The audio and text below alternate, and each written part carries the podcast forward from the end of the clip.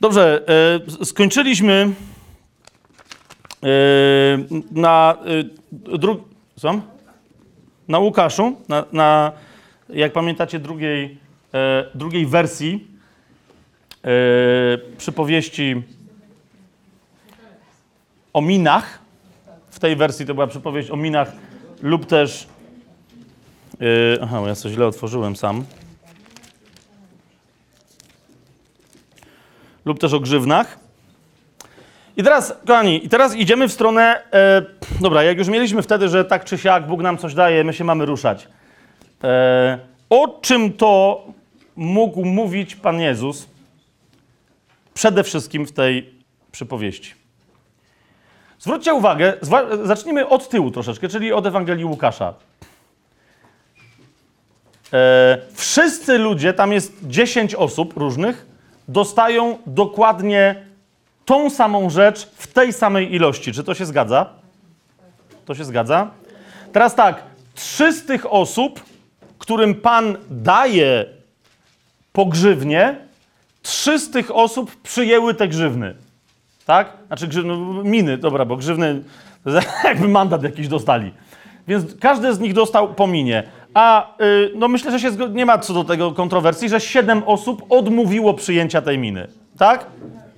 To są ci, y, o których y, y, następnie jest powiedziane. W wersecie, to jest 19 rozdział Łukasza, w wersecie 27.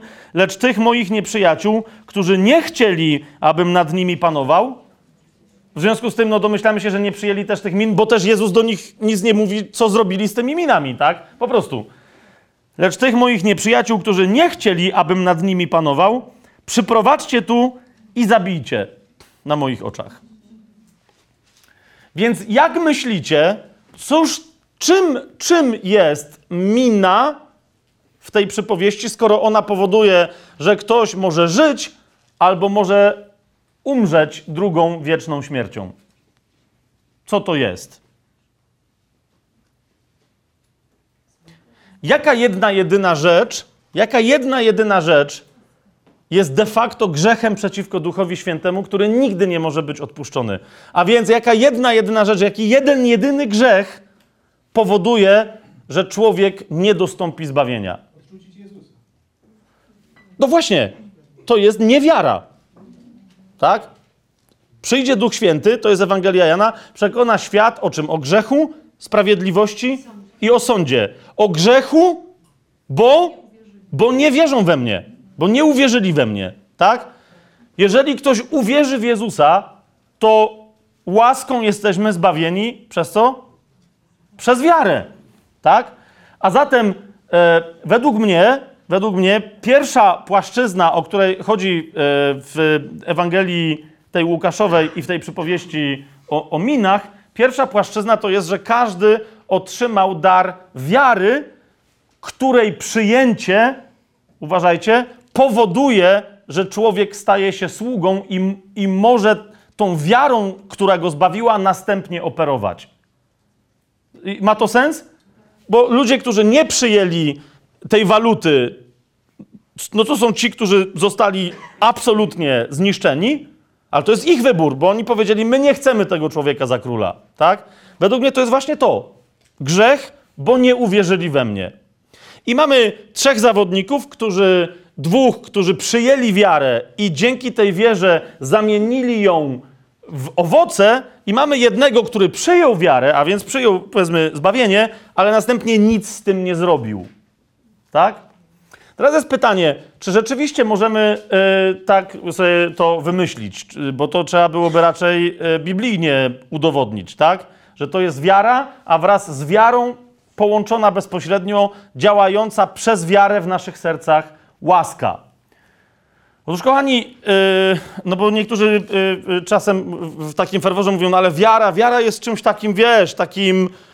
Jedni uważają wiarę za emocje, inni uważają wiarę za pewien stan, inni za jakiś proces, ale wiara jest czymś takim niepoliczalnym. To jakże wiara miałaby mieć konkretne swoje miary?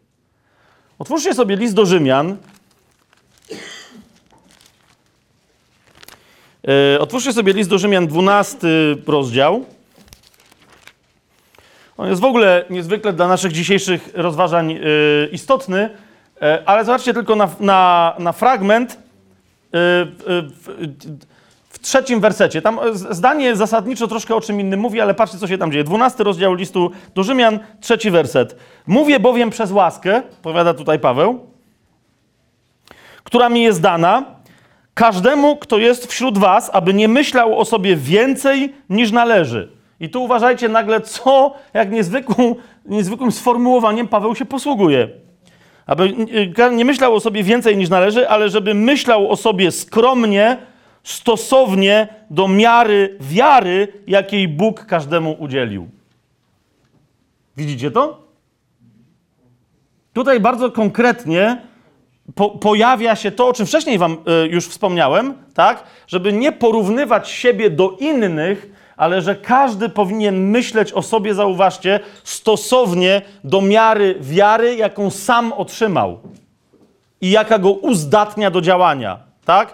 W takim sensie otrzymaliśmy każdy po tyle samo wiary, w jakim sensie każdy z nas jest tak samo zbawiony.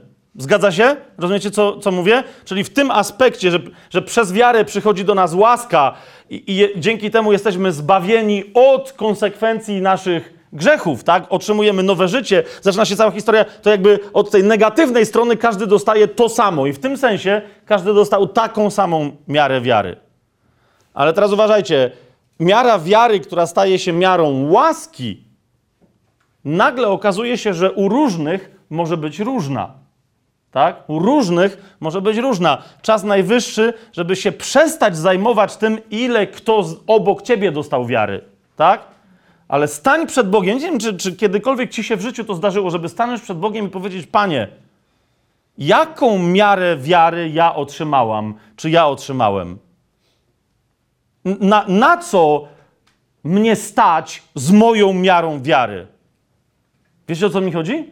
Na co mnie stać z moją miarą wiary? Do cze... Jak, jaki ona, jaką ona ma moc? Gdzie, w jakim biznesie, w, w cudzysłowie, e, w, jak, w jakim biznesie, na jakim prze, e, mogę obrócić moją miarą? Wiecie o co mi idzie? Ten, co dostał 5 talentów, czy 10 talentów, załóżmy, prawdopodobnie poszedł w nieruchomości, tak? Ten, co dostał jednego talenta, nie, może zaczął kupować bitcoiny. No, no nie wiem, tak? Chodzi mi, wiesz, wiecie o co mi idzie, że, ale jakby niekoniecznie go było od razu stać na kupowanie hoteli, tak? To samo jest tutaj. To samo jest tutaj. To samo jest tutaj. Jaką mam miarę wiary? Zobaczcie sobie y, list do Efezjan. Tam jeszcze do tego 12 rozdziału y, zdaje się, że nie raz wrócimy, ale list do Efezjan, czwarty y, rozdział. Chciałbym, żebyście sobie tam zerknęli. czwarty rozdział. Jeżeli coś będziecie mieli inaczej przetłumaczone niż ja czytam, to mi zgłoście to, dobra? Bo żebyśmy to od razu wiedzieli. y, no. Zobaczcie, co się dzieje. Rozdział czwarty listu do Efezjan. E, tam Paweł no, no, mówi dokładnie to, o co nam chodzi. To jest wprost powiedzenie, to co Jezus trochę zawoalował w przypowieści o talentach. Paweł to mówi wprost w siódmym wersecie. Zobaczcie. E, każdemu z nas została dana łaska według miary daru Chrystusa. Widzicie to? Każdemu z nas, każdej z nas została dana łaska, i tu naprawdę chodzi o to, że większa albo mniejsza, według miary daru Chrystusa. Chrystus ci dał tak, jak chciał. I nie będzie cię rozliczał z porównania do innych. Zaraz o tym jeszcze nieco więcej em, powiem. Nawiasem mówiąc, e, w liście do Efezjan ta, ten, ten, e, ta miara daru Chrystusowego pojawia się parokrotnie, e, jeszcze przynajmniej ze dwa razy, e, z tego co pamiętam, ale e, na przykład w trzecim rozdziale, e, zobaczcie w siódmym e, wersecie, Paweł mówi o sobie, e, że stał się sługą Ewangelii i co mówi? Ja stałem się jej sługą, czyli sługą Ewangelii i tajemnicy, e, i tajemnicy Kościoła i tak dalej. Stałem się jej sługą według daru łaski Boga danej mi przez działanie Jego mocy. Widzicie to? Mówi, ta, ten, ta, ta miara daru łaski, jaka mnie została dana, jest wystarczająca na to, żeby następnie przyjąć od Boga zadanie bycia e, szafarzem tajemnicy Kościoła, objawienia tajemnicy Kościoła, czym jest. Właśnie na czym polega wszczepienie e, dziczek pogańskich w oryginalną oliwkę e, żydowską, która była e, narodem wybranym. Tak? Na, na czym, że, że, że te dwie różne rzeczy mogą stać się jednością, o czym nawiasem mówiąc list do Efezjan mówi o tym, że został zburzony mur i dwie części stały się jednością. I nikt wcześniej nie potrafił tego tak precyzyjnie wyjaśnić, nawet żaden z apostołów, dopiero Paweł. A więc on mówi, to jest odkrycie, mówi, przyjąłem posłannictwo od Pana. Teraz uważajcie, to, to co mówię, nie, dla niektórych będzie teraz, to co powiem, będzie kompletnie niezrozumiałe, a dla niektórych w tym momencie stanie się objawieniem być może bardzo już jasnym. Bo niektórzy nie wiedzą, kim są w planie Bożym, siedzą i czekają, mówią, Boże, objaw mi, objaw mi, co ja mam robić, jakie jest moje osobiste posłannictwo, jakie wielkie dzieła dla mnie przygotowałeś w moim życiu Bożym, chrześcijańskim. Po, powiedz mi co. I, I mówią, no i nie słyszę nic. Teraz widzisz, chodzi o to, że jeżeli tobie się wydaje, tak? Bo to jest tak jakby, załóżmy, załóżmy że ja jestem doradcą bizne, y, y, zawodowym, czy doradcą kariery, tak? I teraz ty przychodzisz do mnie i mówisz, no, y, pracuję na etacie, ale rozpoczęłabym y, swój biznes. Mówię, super. Czy masz coś na wkład? Wiesz o tym, czy, czy, czy nie masz i wtedy trzeba będzie wymyślić jakąś... Tu jest wielu lepszych znawców bizne- biznesu niż ja na tej sali, tak? To yy, yy, kłaniam się wam nisko. Chodzi, to jest tylko taki przykład, tak? I teraz, ale pytam się, jaki masz wkład? Czy, nie wiem, masz, nie wiem, milion na początek, dwa, żeby coś rozkręcić, czy może tylko dwa tysiące złotych, czy może nic? Tak? I teraz taka osoba mi mówi, że no, to właśnie trzeba było coś dopiero, jakiś kapitał zebrać. Tak? Mówi, no, no, czyli co to znaczy, że będziesz zbierać kapitał? Mówi, no mam tam 5 tysięcy odłożone złotych. No to co doradzicie tej osobie? Żeby sobie kupiła McDonalda we franczyzie? Za półtora miliona? Czy ile tam teraz to kosztuje? No, wiecie o co mi chodzi? No, no to jest wiadomo, to nie to, no to trzeba jej jakąś ścieżkę pokazać. Tylko teraz na czym polega problem? Że ta osoba mówi mi, ile myśli, że ma. Rozumiecie?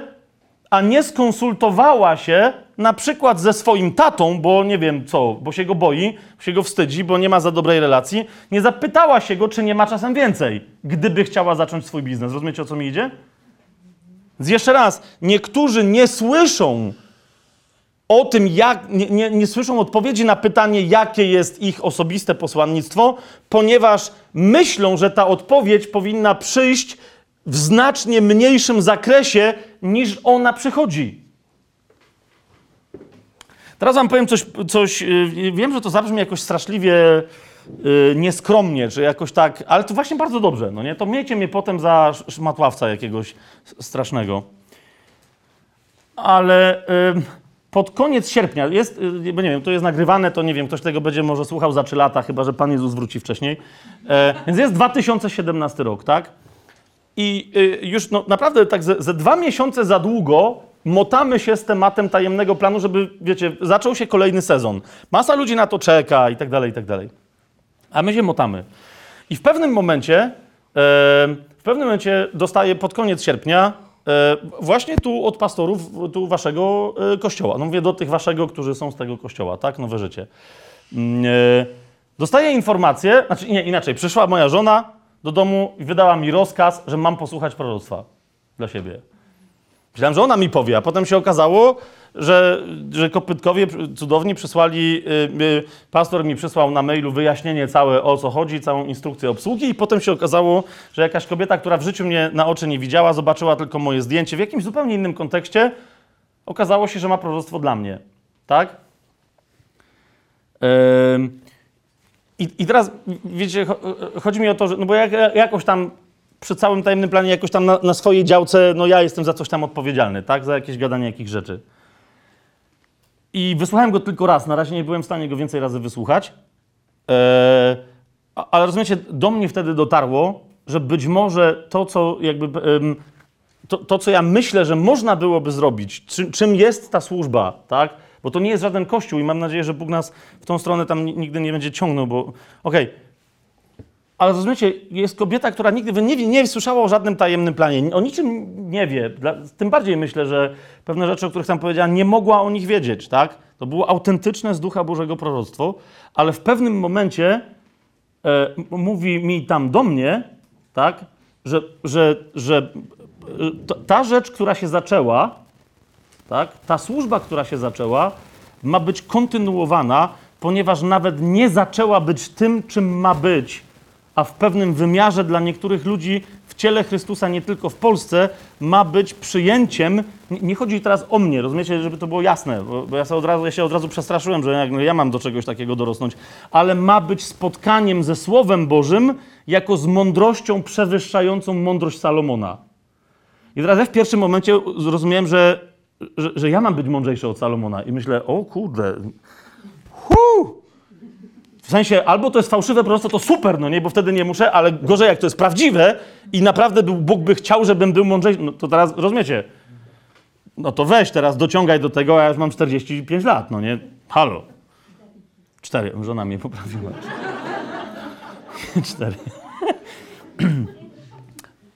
Niemniej bardzo szybko zauważyłem, że na przykład, do, do, do, także do tego, wy, wy też macie jakieś swoje, wiecie, odcinki, coś robicie w kościele, macie jakieś służby, które niekoniecznie się w ogóle nazywają służbami. Nie chodzi mi o to, żeby to się tak nazywało, tak? Ale jak wtedy do mnie dotarło, y, co Bóg mówi, że, że chodzi Jemu w ramach tego, co On chce osiągnąć prze, przez tą służbę, jak, jaki wy, jaką głębię, nie chodzi o wymiar, ale jaką głębię duchową chce osiągnąć, być może dotykając, wiecie, gdzieś kiedyś tylko jednego człowieka, ale jaką głębię chce osiągnąć, to to y, mnie otwarło. Y, pamiętacie, ja potem zadzwoniłem, że nam się po, popląta. Nawiasem mówiąc, tu jest też człowiek, y, Wojtek, który y, był drugą część, ty nawet nie wiesz tego jeszcze, bo to jest ciekawe. Byśmy o tym nie rozmawiali, Wojtek mnie zaskoczył, że tu przyjechał, a ty byłeś drugą częścią tego proroctwa. Jak Wojtek przyjechał i zaczął nam tłumaczyć, że wytłumaczyłem mu, co my chcemy zrobić w tajemnym planie i Bóg nam jakoś tego nie daje. I Wojtek między innymi powiedział, mówi, no bo to, to nie, bo to musicie robić gdzie indziej, po prostu musi się, muszą, musi się inna rzecz pojawić, a to musi zostać na, na wolnym ogniu, musi się... Ja wiem, że teraz gadam trochę jak idiota, tak, bo teraz nie mogę wam powiedzieć żadnych szczegółów, bo to jest jeszcze nic nie podjęte, ale nie, jest to jasne, że po prostu nie, nic się nie mogło wydarzyć w tajemnym planie, dlatego, że myślałem, że to, co już teraz się dzieje, że jest już za duże. Nawet nie powiem, że jest odpowiednio wielkie, ale że to już jest za duże, tak? A tu jeszcze coś, ktoś jeszcze chce, tu jacyś ludzie mają przyjść i... A potem się okazało, dobra, ale nie, po prostu, żeby, żeby to mogło wreszcie zafunkcjonować, musicie obok tego, co już się dzieje, zrobić coś jeszcze innego, gdzie Błaszkiewicz akurat nie ty będziesz tam w ogóle się pojawiał, a jeśli to nie za często. Także mówię wam, że się jeszcze coś będzie tam dziać. Ale żeby mogło to, jeszcze raz mówię, zanim to odpali, najpierw musiałem ja zrozumieć, że Bogu chodzi o znacznie, znacznie jakiekolwiek moje wyobrażenia przewyższające te wyobrażenia projekt. Mamy jasność? Więc, więc jeszcze raz, zanim ty się dowiesz, a tu wiele osób ma pytanie, kim ja jestem, kim mam być w planie Bożym, co mam robić. I niektórzy wprost tutaj dzisiaj siedzą z takim pytaniem w sercu: Boże, co ja mam dla ciebie robić? Już parokrotnie słyszeli, słyszałam, czy słyszałem, że mam coś robić, ale ja nie wiem, co mam robić. A nie wiesz, co masz robić, jeszcze raz ci mówię, najpierw dlatego, że, że chcesz usłyszeć przez malutkie siteczko. Rozumiesz? Więc jeszcze raz, dlatego na początku dzisiaj z samego rana mówiliśmy o miłości. Przyjmij, jak bardzo Bóg cię kocha, a w ramach tego, jak bardzo cię kocha, przyjmij, za jak wielką osobę w swoich planach cię uważa. Czy to jest jasne teraz? Co powiedziałem? To jest jasne, ale widzę, że niektórych to dalej przeraża. Bo to jest takie, okej, to jest jasne, nie miało być tak hardkorowo. To jeszcze dodam jedną rzecz. Jak mówię o tym, że, że w planach Bożych najprawdopodobniej większość z nas tutaj jest po tysiąckroć większymi niż nam się wydaje, to teraz uważajcie. Nie chodzi mi o to, że wszyscy tutaj mają stać się męczennikami na misjach w Chinach po nawróceniu 120 milionów Mandżurów czy kogoś tam. Nie o to mi chodzi. Mam takie wrażenie, że jak dzisiaj ktoś coś chce zrobić w kościele, to niektórzy na przykład dlatego nie chcą, bo się właśnie tego boją, że będą musieli albo stać się wiel jakąś wielką służbę zapoczątkować, albo stać się jakimś sławnym pastorem, który będzie miał przynajmniej 12 tysięcy ludzi w kościele, albo coś takiego. wielkość w planie Bożym ma zupełnie inny wymiar. I, i, i tutaj myślę, że nam się przyda Rick Joyner. Niezależnie od tego, co wy tam y, o nim y, myślicie, bo ludzie różne rzeczy myślą, ja też różne rzeczy myślę. Nie chodzi mi o całość nauczania Ricka Joynera, czy, czy jakie on tam ma, a, ale chodzi mi o jeden fragment y, większej historii, która jest zawarta w książce. em, kurczę, ja za każdym razem, jak to gadam, to nie wiem, jak się to nazywa. The Final Quest. Kojarzycie? Ricka Joy- Jak? Ostatnia bitwa? Ostatnia bitwa? Ktoś kojarzy? Joyner? Nieważne. Dobra. Rick Joyner. I Teraz tam są różne historie, coś tam się dzieje, nieważne, ale jedna z nich kiedyś bardzo, bardzo mocno mnie dotknęła, ponieważ mi właśnie to wyobrażenie, kto jest wielki w oczach Bożych, w kontekście właśnie talentów i innych historii, yy, no wiecie, sporo mi tam się poprzewracało.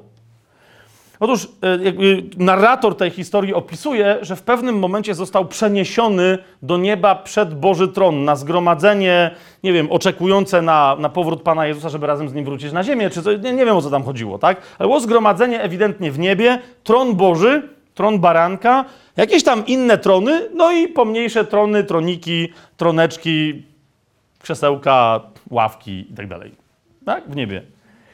I on mówi, że tam wszedł, bo coś mu Bóg miał pokazać i- za, za, nie wiedział za bardzo co, ale pierwsze, co, kto mu się rzucił w oczy, to był bardzo sławny ewangelista, który dopiero co umarł, którego on był wielkim e, fanem, tak? Był zachwycony jego, jego postawą, wszystkim dawał go za przykład. Ewangelista, który w ramach swojego życia stworzył wiele dzieł, poprowadził parę służb, nawrócił setki tysięcy ludzi, którzy przyjęli Chrystusa, przyjęli chrześcijaństwo, jeżeli nawet nie miliony ludzi, tak? I teraz wiecie, problem polega na tym, że on go zauważył, bo zrozumiał, że no im dalej ci ludzie siedzą od tronu, no wszyscy są szczęśliwi, wiecie, że są w obecności Bożej, jednak jedni są bliżej, a inni trochę dalej. Więc widać, że jakby nie za bardzo zostali docenieni, tak? I on się zdziwił, że ten wielki ewangelista, którego on podawał za przykład po jego śmierci, mówi, dobra, chłop już umarł. Okazało się, że nic tam yy, po ciemku na lewo nie naskrobał. Rzeczywiście świątobliwy mąż Boży, więc podawał go za przykład innym ludziom, wielkiego generała wiary, wielkiego przywódcy wiary, no jakiego trudno byłoby ze świeczką po świecie szukać, tak? Po czym chłop wchodzi do nieba i mówi, a ten siedzi no, w jednym z ostatnich rzędów. I wiecie, jego tak, takie przerażenie ogarnęło, mówi, jeżeli ten gość siedzi w jednym z ostatnich rzędów, to ja nie wiem, czy ja tu się w ogóle załapię na jakieś klepisko tam gdzieś z tyłu, 6 kilometrów dalej za stadionem, nie? A z drugiej strony, to kto musi siedzieć tam z przodu, na tych tronach, tak? Więc taki, wiecie, pod, już zostawił tego ewangelistę, mówi, dobra, no najwyraźniej y, trzeba nawrócić 500 milionów ludzi, a nie milion. Więc poszedł dalej. I tak szedł, szedł, szedł, bo, bo tam ten jakiś tam, nie wiem, czy tam Pan Jezus był, czy jakiś anioł, czy ktoś go prowadził i on tam się rozgląda, mówi, nie, nie rozglądaj się, mówi, bo jak już zauważyłeś tego jednego, którego ci chciałem pokazać, to teraz chcę ci pokazać drugiego. Mówi, to jest człowiek, który siedzi na jednym z najbliższych tronów do tronu baranka. No to ten, wiecie, się podpalił, mówi, to będzie Paweł. To będzie Paweł, apostoł, zobaczę sobie go, zanim, pójdę ja do nieba, to już sobie go zobaczę w wizji. Jest. I teraz, jak się zbliżył na taką odległość, że zaczął widzieć go, e, e, po pierwsze był, był zdumiony, po drugie zaczął się robić wściekły, że czegoś absolutnie nie rozumie. Poczuł się oskarżony wręcz w sercu swoim przez Boga, że Bóg, go, że Bóg mu coś miesza. Dlaczego? Ponieważ zauważył na tym bardzo wysokim tronie człowieka, którego też znał. Którego znał z ulicy tak? którego pokazywał innym chrześcijanom w swoim zborze, jako pastor swojego zboru, mówi, wy też go znacie, wiecie, jest taki gość tam stoi na ulicy, mówi, nigdy takimi nie bądźcie. N- nigdy. To jest człowiek, który przynosi wstyd chrześcijaństwu. To jest człowiek, który przynosi wstyd Biblii. To jest człowiek, który przynosi wstyd Chrystusowi. A teraz zobaczył go jako siedzącego bardzo blisko tronu baranka, jako jednego z najbardziej wywyższonych w niebie. Teraz zapytacie się, ci, niektórzy, niektórym się mogła historia przypomnieć, e, ale jak nie- niektórzy jej nie znają, to zapytacie, dobra, to co to był za gość? Otóż to był człowiek, który e, bełkocząc jakieś straszliwe brednie, wy, wyglądając na naprawdę straszliwie zapitego człowieka, próbował rozdawać coś, co wyglądało na traktaty ewangelizacyjne e, na ulicy. Ludzie je, nie chcieli ich brać. To było jakieś tam dziadostwo. Wyrzucali je gdzieś, e, wrzucali do śmietnika, do, do rynsztoku, gdzieś tam. E, on, nie, był, on był odpychający w tym, w tym wszystkim, co robił. E, nikt nigdy nie zrozumiał, co on w ogóle, co on w ogóle gada. Tak? Więc on mówi, Boże, no to, to a on to co, tam w tym przebraniu, w przebraniu stał na ulicy, czy co on? 700 milionów szczurów nawrócił? O, o co chodzi? No co to, co to za gość? I teraz Bóg mu powiedział, mówi, posłuchaj,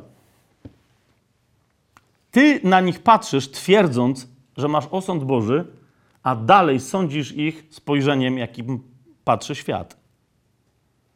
Mówi, w którym momencie ty mogłeś wiedzieć, z jaką miarą wiary i z jaką miarą miłości, tam chyba nawet było, z jaką miarą łaski mojej rozpoczęli. W którym momencie? Czy ty im dałeś życie? Czy ty, za, czy ty ich wrzuciłeś w to życie w konkretnych okolicznościach? Wiedziałeś cokolwiek? Nie, więc mówi, na jakiej podstawie oceniałeś? Otóż mówi, zobacz, ten ewangelista, który siedzi tam z tyłu, ten ewangelista, który nawrócił te, te, miliony ludzi, bo nawrócił miliony ludzi, tak jak ci się dobrze wydawało. Mówi, on od, jest człowiekiem, który otrzymał ode mnie największą ilość łaski, jaką prawie nikt inny nie otrzymał tyle, co on na samym starcie. Zanim się urodził, był wypełniony łaską. Urodził się w rodzinie, która otaczała go miłością. Już jako dwu, trzyletnie, czteroletnie dziecko rozumiał Ewangelię, bardzo wcześnie przyjął, e, przyjął Chrystusa do swojego życia. E, miał wszystko, czego mu było trzeba, dobre wychowanie, nie miał za dużo pieniędzy, ale też nigdy mu ich nie brakowało. Miał świetne wykształcenie, znał wiele języków, znał mnóstwo wpływowych ludzi. Mówi, a jednak z tym ogromem łaski, jaką miał, został kimś tak nieciekawym, jak jeden z wielu ewangelistów telewizyjnych i nawrócił tylko milion osób, z których nawet nie wiesz, ile naprawdę się nawróciło, a ilu poszło za tłumem i ilu z nich tutaj w ogóle siedzi. Wiesz to? Nie, nie wiesz. Rozumiecie, teraz ja nie wiem, jak tam się dalej ta historia rozwijała. Idzie mi o to, że ktoś, kto otrzymuje taki ogrom łaski, powinien być w rozumieniu Bożym znacznie bardziej wpływową osobą. Być może nie musiał, wiecie, zostać yy, yy, głosicielem yy, złotoustym, nawracającym milion ludzi przez telewizor. Wiecie, o co mi chodzi, tak? Może powinien zostać doradcą prezydentów. Rozumiecie, o co mi idzie? Może nie, ewidentnie w tej historii widać było, że nie posłuchał Boga i nie wykorzystał potencjału, który był w nim złożony, ale poszedł za pewnym wzorcem, który pokazał mu Kościół. I tyle. I w ramach tego wzorca wszyscy powiedzieli: Wow, żeby każdy zbór miał takiego pastora, to by dopiero było. Żeby każdy miał takiego uczciwego teleewangelistę, to by dopiero było. No to, to nic by nie było. To wszędzie na świecie wszyscy byliby tacy sami. Naprawdę, jeden taki wystarczy. I teraz wrócili do tego człowieka, który siedział na, na jednym z tych tronów najbliżej baranka. Bóg mu mówi, widzisz, a ten człowiek tutaj jest jednym z tych, którym dałem najmniej w całej historii dziejów ludzkości. Nie powiem ci, kto dostał mniej, mówi, ale ten gość dostał w porównaniu z tamtym, mówi, ten dostał tylko dwie cząstki najdrobniejsze mojej miłości. Od y, małe, zaraz po, mówię, jeszcze jak był, jak był w łonie matki, tak? Ona była narkomanką, była bita, była w straszliwych związkach, przyszedł na świat. Nie mógł być zdrowy, ponieważ przyszedł na świat mocno upośledzony, prawie niewidomy, głuchy. Nie mówił i dlatego jak go spotkałeś na ulicy, to, to zobaczyłeś gościa, który dzięki mojej łasce już wtedy trochę nauczył się mówić. A ty myślałeś, nie sprawdziwszy tego, że jest pijany.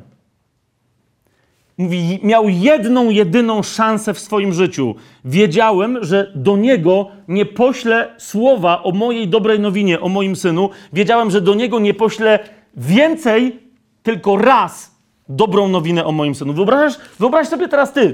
Teraz mówię do ciebie tutaj, siostro i bracie. Gdyby, gdyby się potem, rozumiesz, ja nie wiem, czy, czy już tu wszyscy teraz, dobra, jak jesteście nawróceni i co się dzieje, ale rozumiesz, być może, że dzisiaj do ciebie Bóg po raz ostatni wysyła wezwanie do nawrócenia. A ty mówisz, a okej, dobra, to ja to jeszcze sobie przemyślę. To nie, rozumiesz, to nie są twoje rozważania. Bóg przychodzi pewną określoną ilość, ilość razy do ciebie i mówi, zapraszam cię. I może się to w pewnym momencie skończyć. Bóg temu powiedział, mówi, ten gość, ja od początku wiedziałem, że dostanie ode mnie propozycję tylko raz. Znalazł w śmietniku traktat ewangelizacyjny, przeczytał go i przyjął Jezusa do swojego życia. Od tej pory tak się przejął Ewangelią, że sam chciał innych nawracać, więc stworzył swój traktat ewangelizacyjny, bo nie znalazł więcej w śmietniku żadnego innego. No ale, no wiecie co, może bezdomny człowiek, tak, upośledzony, co, co może wykombinować? Mówi, że zbierał jakieś odpadki, coś tam gdzieś sprzedał, gdzieś go tam pobili, i, I wtedy napisał, poskładał, bo, bo się w ogóle zaczął uczyć czytać, bo się okazało, że nie umiał. Poskładał parę jakichś tam tekstów, że Bóg cię kocha, Jezus jest kluczem do całej sprawy i tyle, tak? Powielił to sześć razy i to dawał ludziom, no bo uznał, że skoro jego nawrócił, nawrócił się on przez parę fragmentów Biblii w traktacie ewangelizacyjnym, to on też może jakoś tak zadziała, tak? I ten gość mówi, że zapytał Boga, mówi, no i ile osób on nawrócił? A Bóg mówi, nikogo. Ani jednej ale do końca życia nie przestał tego robić. A zmarł bardzo niedługo po tym, jak ty się z nim widziałeś na ulicy. Ale umarł w taki sposób, że drugi gość, o którym on nie wiedział, siedzący w śmietniku obok niego, się nawrócił, widząc jego śmierć.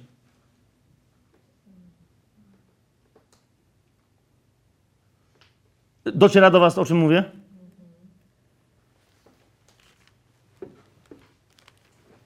kim ty jesteś albo kim ja jestem, żeby oceniać czyjkolwiek dar Chrystusowy i jego miarę. I co z tą miarą robi następnie. Przestańcie się nawzajem do siebie porównywać. Przestańcie sobie zazdrościć na poziomie materialnym i przestańcie sobie zazdrościć na poziomie duchowym.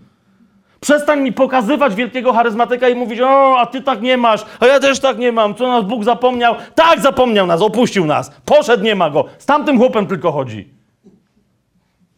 Zadaj Bogu pytanie, jaką miarę daru Chrystusowego ty masz. I przestań wreszcie, będąc milionerem, szczypać się o sześć groszy. Rozumiesz? Przestań wreszcie biadolić, Boże, ale naprawdę no, nie, mam, nie mam do pierwszego. To jak nie możesz, to to, co myślisz, że możesz, też wydej. I wtedy przynajmniej uczciwie powiedz Bogu, no teraz to już naprawdę nie mam. Pamiętacie wdowę, którą Jezus pokazał, mówi, ona dała najwięcej. Ile dała? Najmniej z wszystkich, tak? Ale Jezus powiedział, ale to jest wszystko, co ona miała. To jest wszystko, co ona miała. Uznała, że skoro ma tak mało, to nie ma sensu do tego dziadostwa się przywiązywać. Czas najwyższy przestać wreszcie cokolwiek mieć, żeby móc zacząć otrzymywać prawdziwe bogactwo od najwyższego. To było w wymiarze tylko materialnym. Jezus powiedział wyraźnie, jak ktoś jest w tym wierny, to nad wielkimi, znacznie większymi rzeczami wreszcie zacznę go stawiać.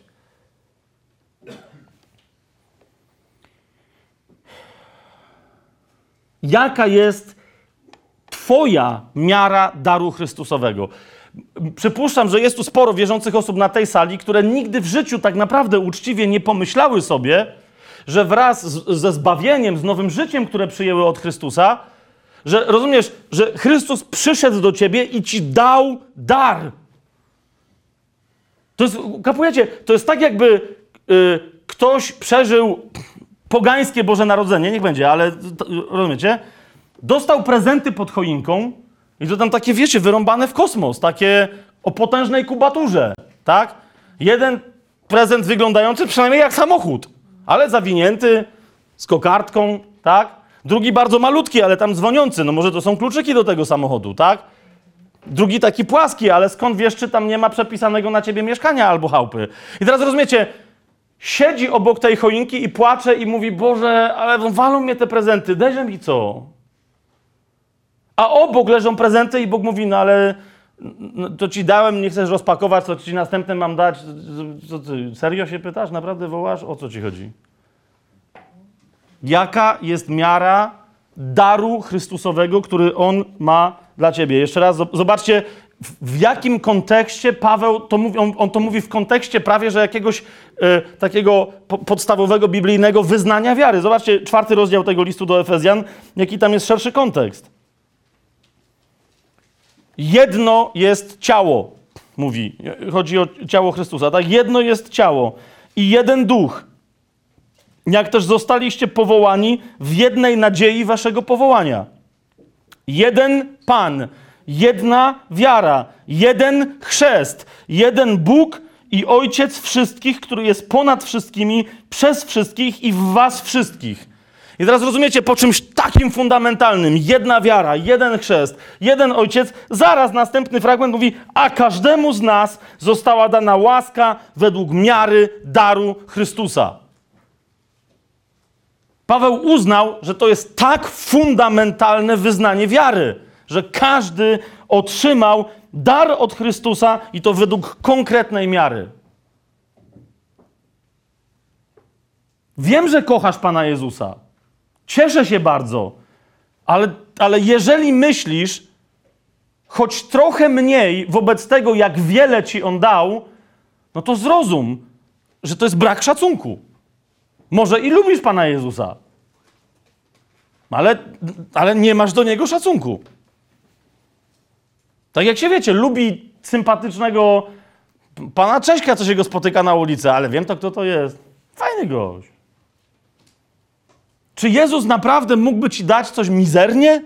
Czy Jezus mógłby wziąć od Ojca, jak o tym w całej Ewangelii Jana mówi, że bierze od Ojca i przychodzi i ci daje. Naprawdę miałby wziąć od Ojca, od, którego pochodzi wszelki dobry dar. List, do Jaku, list Jakubowy o tym mówi, tak? Wszelki dobry dar. Miałby wziąć od niego jakieś, jakieś, jakieś dziadostwo, przyjść do ciebie z jakąś chabinką. Jak w Krakowie mówię, czy taką, wiecie co to jest chabinka?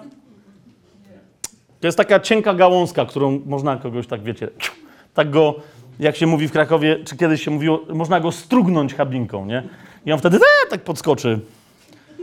Jak ma tro, jest trochę więcej chabinek, to się mogą w bani przydać, czy wiecie, żeby się pochlastać po plecach tymi chabinkami w, yy, w saunie. Serio, to by ci miał Bóg dać? E, czyli mi chodziło o rózgę, o właśnie.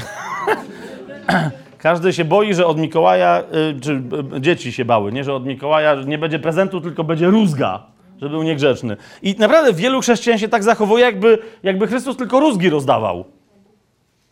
Czyli chabinki. Dobrze. Teraz powiecie, no to, no to dobrze, to, to załóżmy, że stanę przed Panem i On mi powie, że to jest ogrom, co we mnie złożył i że, i że, że jeżeli tylko, bo Jemu tylko, wiesz o co chodzi? Jemu tylko chodzi o to, żeby wreszcie odpaliła się Twoja wierność.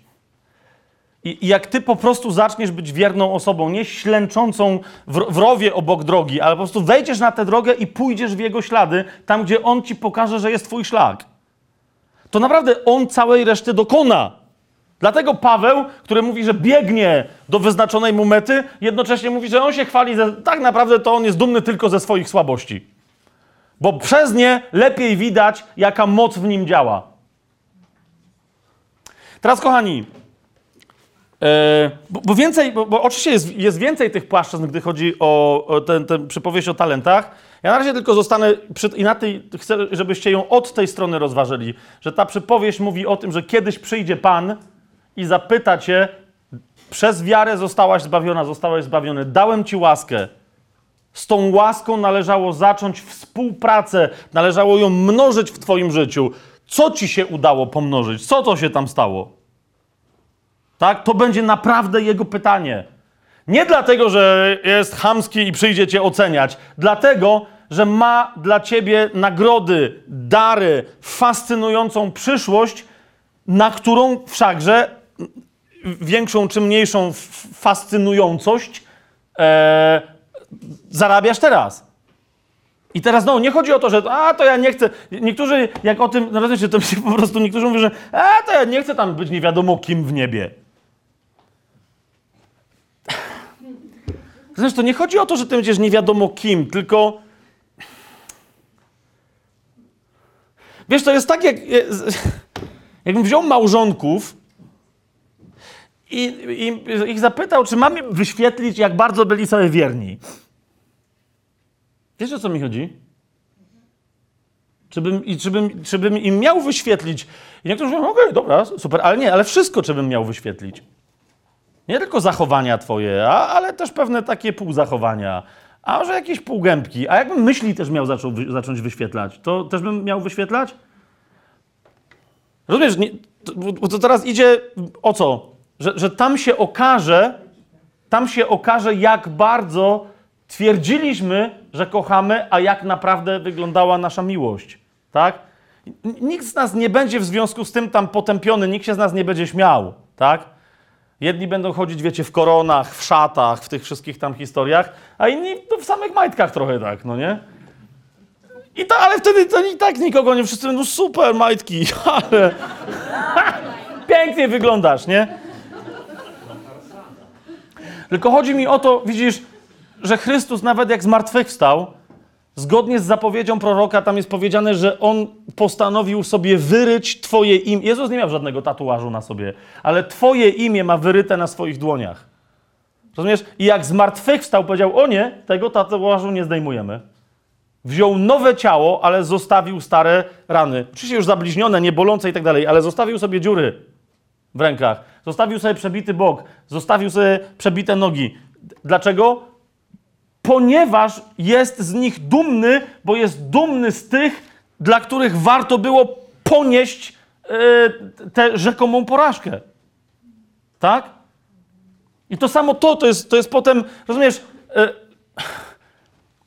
to jest tak, jak, jak y, ja czasem widzę, y, na przykład rozmawiam z zawodnikami MMA albo na przykład weteranami, y, żołnierzami polskimi, których bardzo cenię, ale naprawdę czasem to jest takie, wiecie, e, oni w ogóle jakoś tak jakby się, na przykład żołnierze, oni się trochę wstydzą mówić, że ktoś ma ileś tam, wiecie, orderi, orderów, medali, wiecie, jakieś takie są rzeczy, ale nie ma żadnego wstydu u nich, jak sobie zaczynają opowiadać, że a tu mnie wyharatał szrapnel, no nie, to było gdzieś tam, a drugi mówi, o kurde, no to, to, jest, to jest dobre, no nie, mnie, mnie tylko tutaj dwa razy przeszczelili, ale to wiesz, to jest nic, no i, i tam takie blizny, no okej, to jest nic, no. A jeden gość tam pokazuje, mówi, ja tu mam kawałek takich dorobionych włosów, bo tu nie mam w ogóle czaszki, nie, I Wiesz o co mi chodzi? To są goście, którzy są dumni z tego, co wycierpieli i jakby siebie nawzajem szanują. Łapiecie o co mi chodzi? Mówią, kochałem swoją ojczyznę i patrz, co się stało, tak? I to o to mi idzie, tak? Że, że, że potem to nie o to chodzi, że ktoś ci powie, że i co ty tylko, yy, Martyna, co ty to, jedną koronę tylko masz? To wiesz, ja mam, ja mam koronę, diadem, normalnie. Ja będę chodził, wiesz, jak Rockefeller, no nie? No, no, no nie, no żartuję, ale to, to, nie, to nie o to idzie, że ktoś ci wyrzuci, albo Pan Jezus ci powie, no miałem dla ciebie sześć koron, a to tylko taki jeden pierścionek jest, no nie? Plus, dobra, jeszcze dam ci wisiorek. To nie o to chodzi. Chodzi o to, że ty siebie zobaczysz, ty siebie zobaczysz i tobie tylko i wyłącznie tobie wtedy się może złamać na moment serce, a, a jedyne, co Pan wtedy zrobi, to tylko będzie mógł je uzdrowić, rozumiesz, ponieważ prawda musi pozostać prawdą. To ty wtedy zobaczysz to i powiesz, o dobry Boże, gdzie jest reszta mojego życia? Rozumiesz, Bóg, który wymazał Twoje grzechy, jak Ci na, na, na, na tym y, sądzie tronu Chrystusowego, y, dla nas przeznaczonym, dla wierzących ludzi, jak wyświetli Ci Twoje życie. I teraz załóżmy, że będzie tak, jak niektórzy powiadają, że nie, nie, nie będą wycięte wszystkie kawałki Twojego grzechu. Wszystkie. No to wiesz, e, siądziesz sobie, a Pan Jezus mówi, no to sobie muszę ci wy, wyświetlić film z twojego życia. I ty powiesz, o, to będziemy teraz 68 lat oglądać, no dobra. Po czym nagle, wiesz, pyk, start. Ponieważ jakby ci miał pokazać tylko to, co naprawdę się liczyło, wiecie o co mi chodzi? Wiesz o co mi chodzi? I nagle o, 68 lat, a tu wiesz, minuta 10 i... The end. Cała reszta, no powiedzmy, nie, bo wstydliwe rzeczy to wyciąłem, no nie? I ty powiesz, ale to nie będzie ci musiał nic tłumaczyć, bo ty będziesz wiedzieć, tak, że co nie zostało dla, dla Jego miłości wykorzystane przez ciebie, co nie było twoim wzrostem, nie było niczym. To, to będzie ta, jak pierwszy list do Koryntian, trzeci rozdział mówi o tym, że przejdziemy ze swoimi dziełami przez ogień, no to właśnie to oznacza, że wszystkie te dzieła ze śmieci, e, z, z, z drewna, ze szmat, że one wszystkie spłoną. Rozumiecie, o co mi chodzi? A zostanie tylko to, co będzie z drogocennych kamieni, ze złota i ze srebra. Tak? Widzicie, to, to jest wynik obracania tymi y, złotymi talentami, czy też srebrnymi minami. Tak? To jest, to jest wynik. I teraz jak się okaże, że... I tu przechodzimy do następnego tematu. Chcę y, y, wam y, pokazać jedną zaskakująco dziwną rzecz. Prawdopodobnie, nie wiem jakie wy tam macie tłumaczenia, jeżeli nie macie uwspółcześnionej Biblii Gdańskiej, to, to może być trudno. Bo otóż co więc wobec tego zrobić, żeby wre... No bo niektórzy powiedzą, dobra, ale ja nadal nie będę prosił Pana, jak On mi to pokaże. Otóż kolejna rzecz, bardzo istotna. Żeby wreszcie otworzyć się na słuchanie Pana, musisz naprawdę otworzyć się na słuchanie Pana.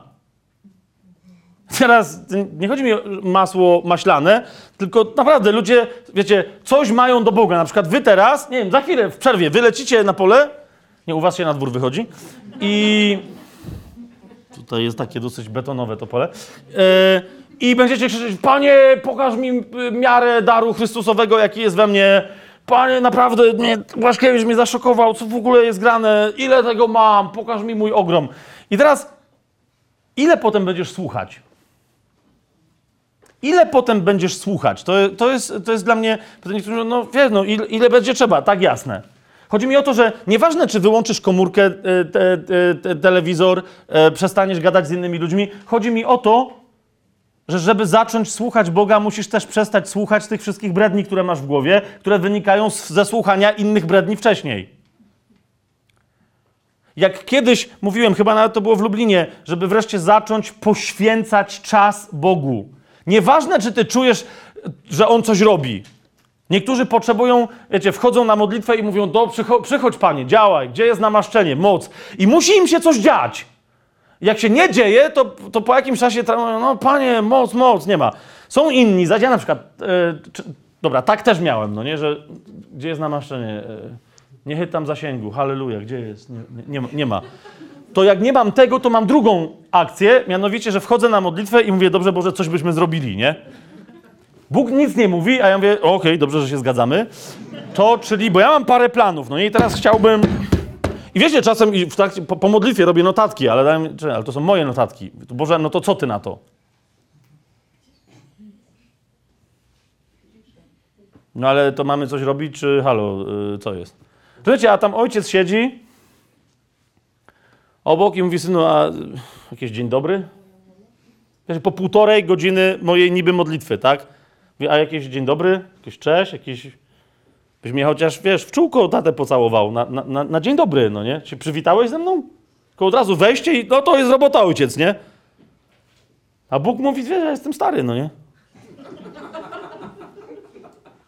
Wejrze się, uspokój. Wejrze się. Pobą, pobądź trochę z ojcem. Dobra, najlepsze jest, że Pan Jezus czasem też tak działa. No już wiecie, bo ja czasem na przykład nie rozmawiam z ojcem, bo on naprawdę jest jakiś taki, nie chcę powiedzieć, że rozlazły, ale taki, wiesz, jakiś taki miłosny, jakiś taki, by siedział, gadał tylko coś. Więc ja czasem się nie modlę specjalnie do, w ogóle nie chcę do ojca przechodzić, tylko rozmawiam z Panem Jezusem. Ale on, no widzicie, to się nie da zrobić w konia, no bo to... I, I tak on mówi, że aha, mówi to, a z tatą już gadałeś? Co się tak, wiesz, do roboty, co... Myślałbych to. Myślałbych to. Zwłaszcza, że prawda jest taka, co nie mieliście, tak? Że im, im bardziej czasem przychodzimy na modlitwę, żeby się dowiedzieć, co mamy robić, to nawet jak się dowiadujemy, to i tak potem tego tak od razu już ochotnie, jak chcieliśmy wiedzieć, to potem wcale tego nie robimy. Tak? Ale dobra, chcę wam zwrócić uwagę na jedną zadziwiającą rzecz. Mianowicie, żeby móc zacząć przynosić owoce, żeby, a, a czyli żeby móc zacząć wiedzieć, jaka jest ta, ta miara daru Chrystusowego, wie, wiecie, co, co w ogóle, to jest moje niedawne odkrycie. Wiecie, wiecie, co trzeba najpierw zrobić, żeby w ogóle móc się naprawdę zacząć modlić i tak dalej, i tak dalej? Biblia mówi o tym wyraźnie, że, że mówi, że każdy mądry o tym wie, także ja się zdziwiłem, że się dowiedziałem niedawno dopiero, że należy odkupić czas. I teraz to jest dobre, bo mamy teraz chrześcijan, którzy mówią, e, pierwszy raz nie mam skojarzenia, co ty bredzisz? Otwórzcie sobie list, ale mamy otwarty list do Efezjan, super. Pi- Piąty rozdział, zobaczcie. Wersety 15 i 16. Wstrząsająca historia. Ha! Ale jestem też podekscytowany, bo jak my to złapiemy, kochani, to jest, to jest genialne. Musimy zająć się jako mądrzy chrześcijanie, roztropni, bo nie dał nam Bóg ducha bojaźni, ale mocy miłości i trzeźwego myślenia i wstrzemięźliwości. Musimy się zająć odkupywaniem czasu. Piąty rozdział, 15 i 16 werset mówi tak. Uważajcie więc, żebyście postępowali rozważnie, nie jak niemądrzy, ale jak mądrzy. No to jak powiesz, to ktoś mówi, to ja nie chcę postępować jak głupek. Co to znaczy, żebym postępował mądrze? A Paweł mówi, odkupując czas, bo dni są złe. Co wy macie w tłumaczeniach? Bo widzę, że jest takie uhu, popłyną. Co tam jest? Co? Wykorzystując czas. Jest takie, wie, wiecie, wykorzystywanie jest niemoralne. Y, Wykorzystując każdą możliwość, aby w tych czasach czynić dobro. Wykorzyst... O, jeszcze, le, jeszcze, jeszcze lepiej. Którzy nie marnują najdrobniejszej chwili, szczególnie, że przyszło nam żyć w trudnych czasach. O, którzy nie marnują. To, I widzicie, od razu jest takie. A teraz a, uwspółcześniona Biblia Gdańska, i zaraz wam y, y, y, y, pokażę, ma genialne tłumaczenie. Po, ponieważ po grecku jest dokładnie to napisane. Uważajcie więc, żebyście postępowali rozważnie, nie jak niemądrzy, ale jak mądrzy, odkupując czas, bo dni są złe. Otwórzcie sobie na przykład list do Kolosan, e, czwarty rozdział, piąty werset. Tam jest dokładnie to samo. E, Kto z was ma uwspółcześnioną Biblię Gdańską? O, to, to wy to widzicie, co ja teraz czytam, tak? Dobra. To zobaczcie jeszcze czwarty rozdział listu do Kolosan. Dokładnie, prawie dokładnie to samo jest powiedziane. No ten sam autor, ale okej, zobaczcie, co tam jest powiedziane. Postępujcie mądrze, tu chodzi o tych, którzy są na zewnątrz, którzy są jeszcze niewierzący, tak? Bo tam było jakby do wewnątrz, że, że po prostu w swoim życiu postępujcie nie jak głupi, ale jak mądrzy. A tutaj jest a propos tych, którzy są na zewnątrz. Mówi, postępujcie mądrze wobec tych, którzy są na zewnątrz, odkupując czas. Cz- Czwarty rozdział, y, piąty werset. Postępujcie mądrze wobec tych, którzy są z zewnątrz, odkupując czas. Co? Mądrze chodźcie przed obcymi. D- Dobrze, i teraz widzicie, i tam się zaczynają cudowania. Mądrze chodźcie przed. Ba, dobrze wykorzystujcie czas. Teraz uważajcie. Ten czasownik, który ja wam teraz przedstawiłem, o, mówiący o tym, żeby odkupywać czas, pojawia się jeszcze w y, takiej formie, że to jest, widać, że to jest ten sam czasownik, pojawia się jeszcze tylko w dwóch miejscach Biblii. Gdzie? Otwórzcie sobie y, list do Galacjan. Otwórzcie sobie list do Galacjan, trzeci rozdział. Trzynasty werset. Trzeci rozdział, trzynasty werset. To jest dokładnie ten sam czasownik, rozumiecie? Ten sam czasownik, który mówi: Chrystus odkupił nas z przekleństwa prawa, stając się za nas przekleństwem, bo jest napisane: Przeklęty każdy, kto wisi na drzewie, aby błogosławieństwo Abrahama w Chrystusie Jezusie przeszło na pogan i abyśmy przez wiarę otrzymali obietnicę ducha. Ale jeszcze raz wracamy, to jest trzeci rozdział, trzynasty werset. To jest cztery razy się ten czasownik pojawia w Biblii. Dwa razy mówi odkupując czas i odkupując czas. Macie odkupywać czas, a w, w tym miejscu mówi, to jest ten sam czasownik, że Chrystus nas odkupił.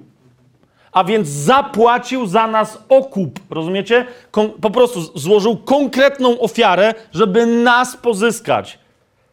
I jeszcze drugie miejsce to jest dokładnie ten sam e, list do Galacjan, czwarty rozdział. Yy, Wersety 4-5. Tam nawiasem mówiąc jest powiązanie, ale nie z tym czasem, więc e, tu nie chodzi, zaraz jeszcze wam wyjaśnię koncepcję czasu. Jest powiedziane czwarty rozdział listu do Galacjan, czwarty werset i piąty. Jest powiedziane, lecz gdy nadeszła pełnia czasu, Bóg posłał swojego Syna, zrodzonego z kobiety, zrodzonego pod prawem, aby wykupił tych, którzy byli pod prawem, abyśmy dostąpili usynowienia. Chrystus przyszedł, żeby tych, którzy byli niewolnikami, wykupić, a jako wykupionych następnie nie wziąć ich na swoją własność, ale żeby ich uwolnić i z niewolników zrobić z nich synów i córki Boga. Tak? To teraz zobaczcie, dwa i nie, nie ma więcej. Dwa razy w Biblii, tu są te dwa razy w liście do Galacjan, jest powiedziane, że Chrystus nas odkupił lub wykupił. To jest ten sam czasownik. A potem jest powiedziane, że my, jak chcemy być mądrzy, mamy odkupywać czas. Mamy złożyć konkretną ofiarę. Rozumiecie? Żeby odzyskać czas. Jeżeli tracisz czas, bo tam te tłumaczenia nie są najgłupsze, tylko jeszcze raz, to jest coś znacznie bardziej poważnego, typu nie traćcie czasu. Nie, nie, nie. My go nie mamy nie tracić, my go mamy pozyskiwać dla siebie. I tu nie chodzi o czas w ogólnym rozumieniu, tak jak tutaj w czwartym rozdziale to jest czas po grecku zwany chronosem. Czyli wiecie, czas, że jest dzień po dniu, tydzień po tygodniu i tak dalej, i tak dalej. Tam w tych dwóch wersetach jest powiedziane, że mamy odkupywać kairos. A kairos po grecku to nie jest czas taki ciągnący się chronologiczny, ale kairos po grecku oznacza właściwy moment na coś, właściwą chwilę, żeby coś się stało. Teraz właśnie powiedziałbym, że można równie dobrze ten czas przetłumaczyć jako okazję, moment, który jest właściwą na coś okazją. Tak? I teraz Słowo Boże mówi, jeżeli chcecie postępować mądrze, zacznijcie dostrzegać okazje, a jeżeli je widzicie w czasie, to nawet jeżeli ma to być powiązane z ofiarą, którą macie złożyć, to ją złóżcie taką, jaką, jaką trzeba, aby duchową okazję wykorzystać i zamienić w owoc. Tak? A żeby to się stało, potrzebujemy w ogóle zacząć szanować nasz czas. Potrzebujemy zacząć szanować swój czas. Czy, po- powiedz, odpowiedz sobie ty.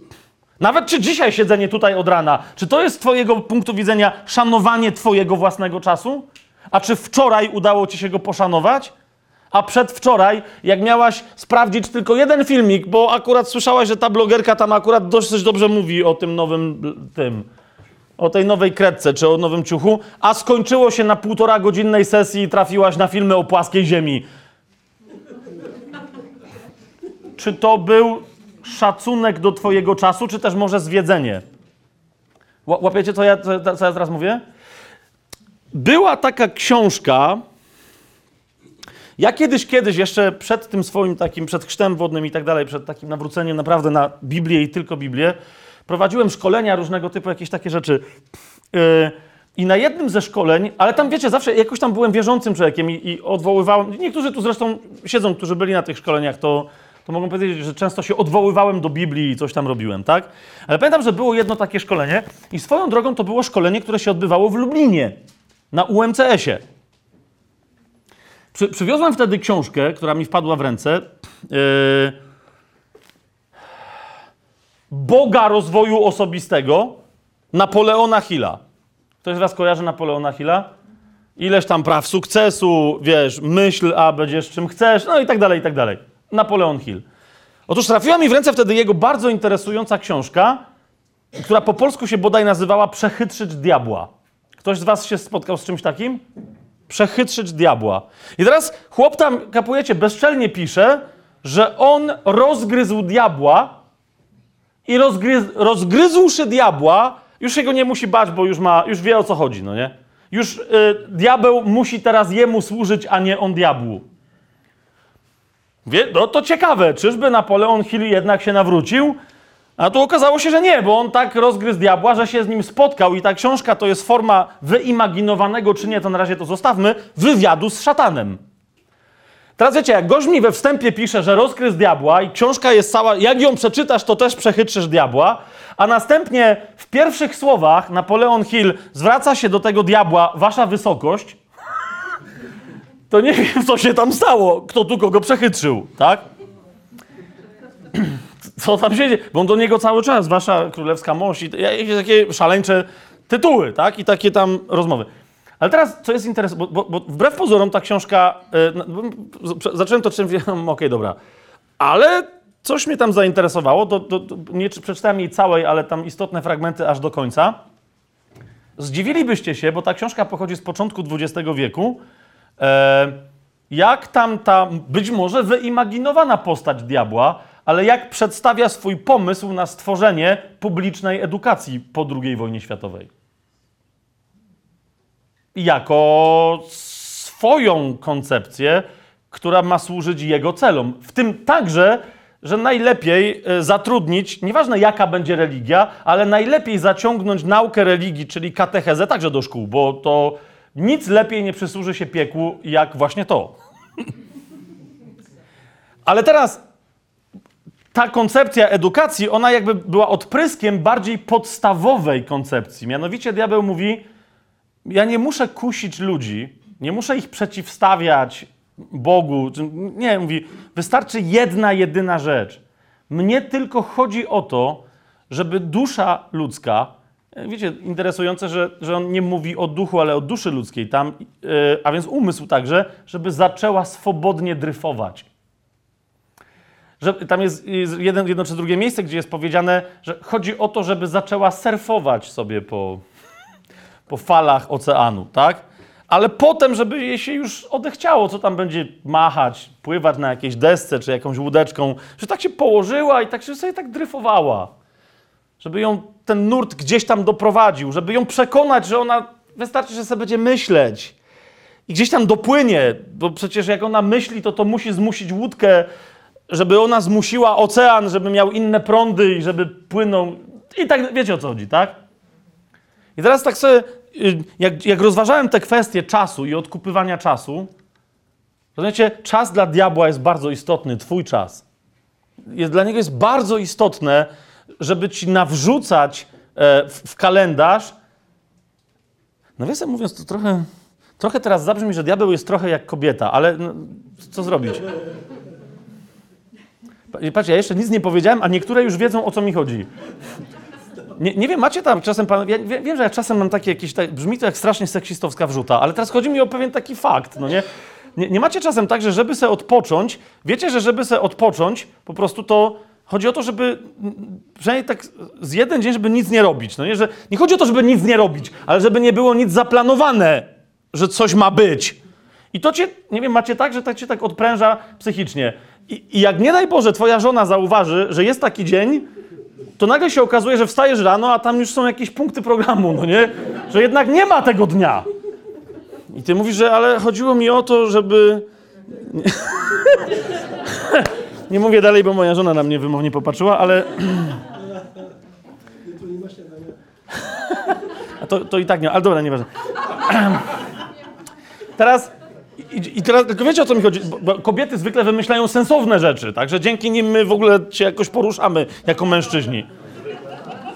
Ale idzie mi o to, że wiecie, że diabeł naprawdę nie chodzi o to, żeby, wiecie, kom, kombinował i tam coś, tylko po prostu wystarczy, żeby ci wrzucał, wiesz, że to jest pilne, no i to jest, to jest palące. To jest, nieważne, że tam jest palące, ale to jest interesujące, nie? To jest dosyć takie, wiesz, to jest tylko trzy minuty, to jest, daj, dajże spokój. Przecież to jest, jest ciekawe, tak? Dzwonisz do kogoś, halo, a tam ktoś, jesteś chory, serio? Może się zakrztusił, ale wiecie, zaczyna się i, i- i nagle rozmowa się kończy półtorej godziny później na temat suplementów diety, bo wiecie, bo ten se zakasłał, nie jest chory, ale gdyby był, to ja wiem, ostatnio czytałam, ale ja też, ale mam lepszy sposób i rozumiecie o co mi idzie? Na każdym kroku.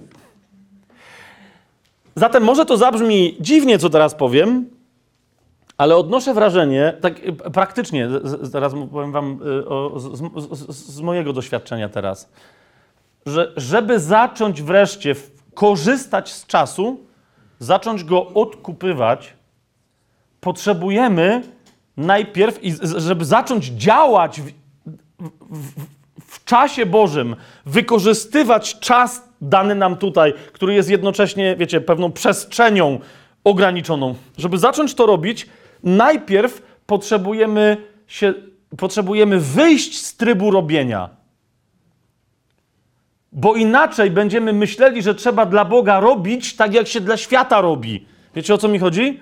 A więc chodzi o to, żeby nie, nie żebyście zaś przestali wszystko robić, ale żebyście zaczęli kwestionować, ja tak zacząłem, kwestionować większość moich aktywności w ciągu dnia. I im bardziej czuję, że ej, ale czas przelewa mi się przez palce, to, to wtedy mówię, czekaj, powoli, powoli, powoli. Jest ze mną Bóg, Bóg obok mówi, hmm? spoko, przynajmniej już nie gadasz głupot. Kawki? Nie, bo ja już piłem trzy mierzona okrzani. Dobra, ja mogę, widzisz?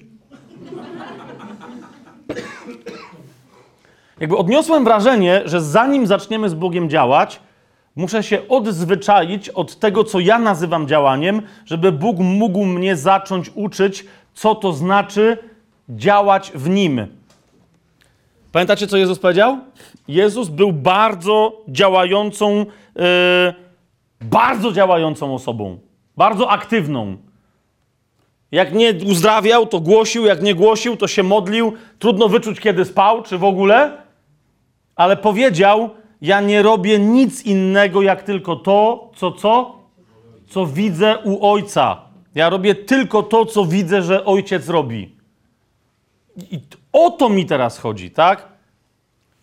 Lepiej, autentycznie lepiej siąść sobie, unieruchomić się, z jasnym poczuciem, że teraz nic nie robię, niż robić coś, co będzie stracą tego czasu, kiedy to coś głupiego robię. Czy jest to jasne, co, co mówię?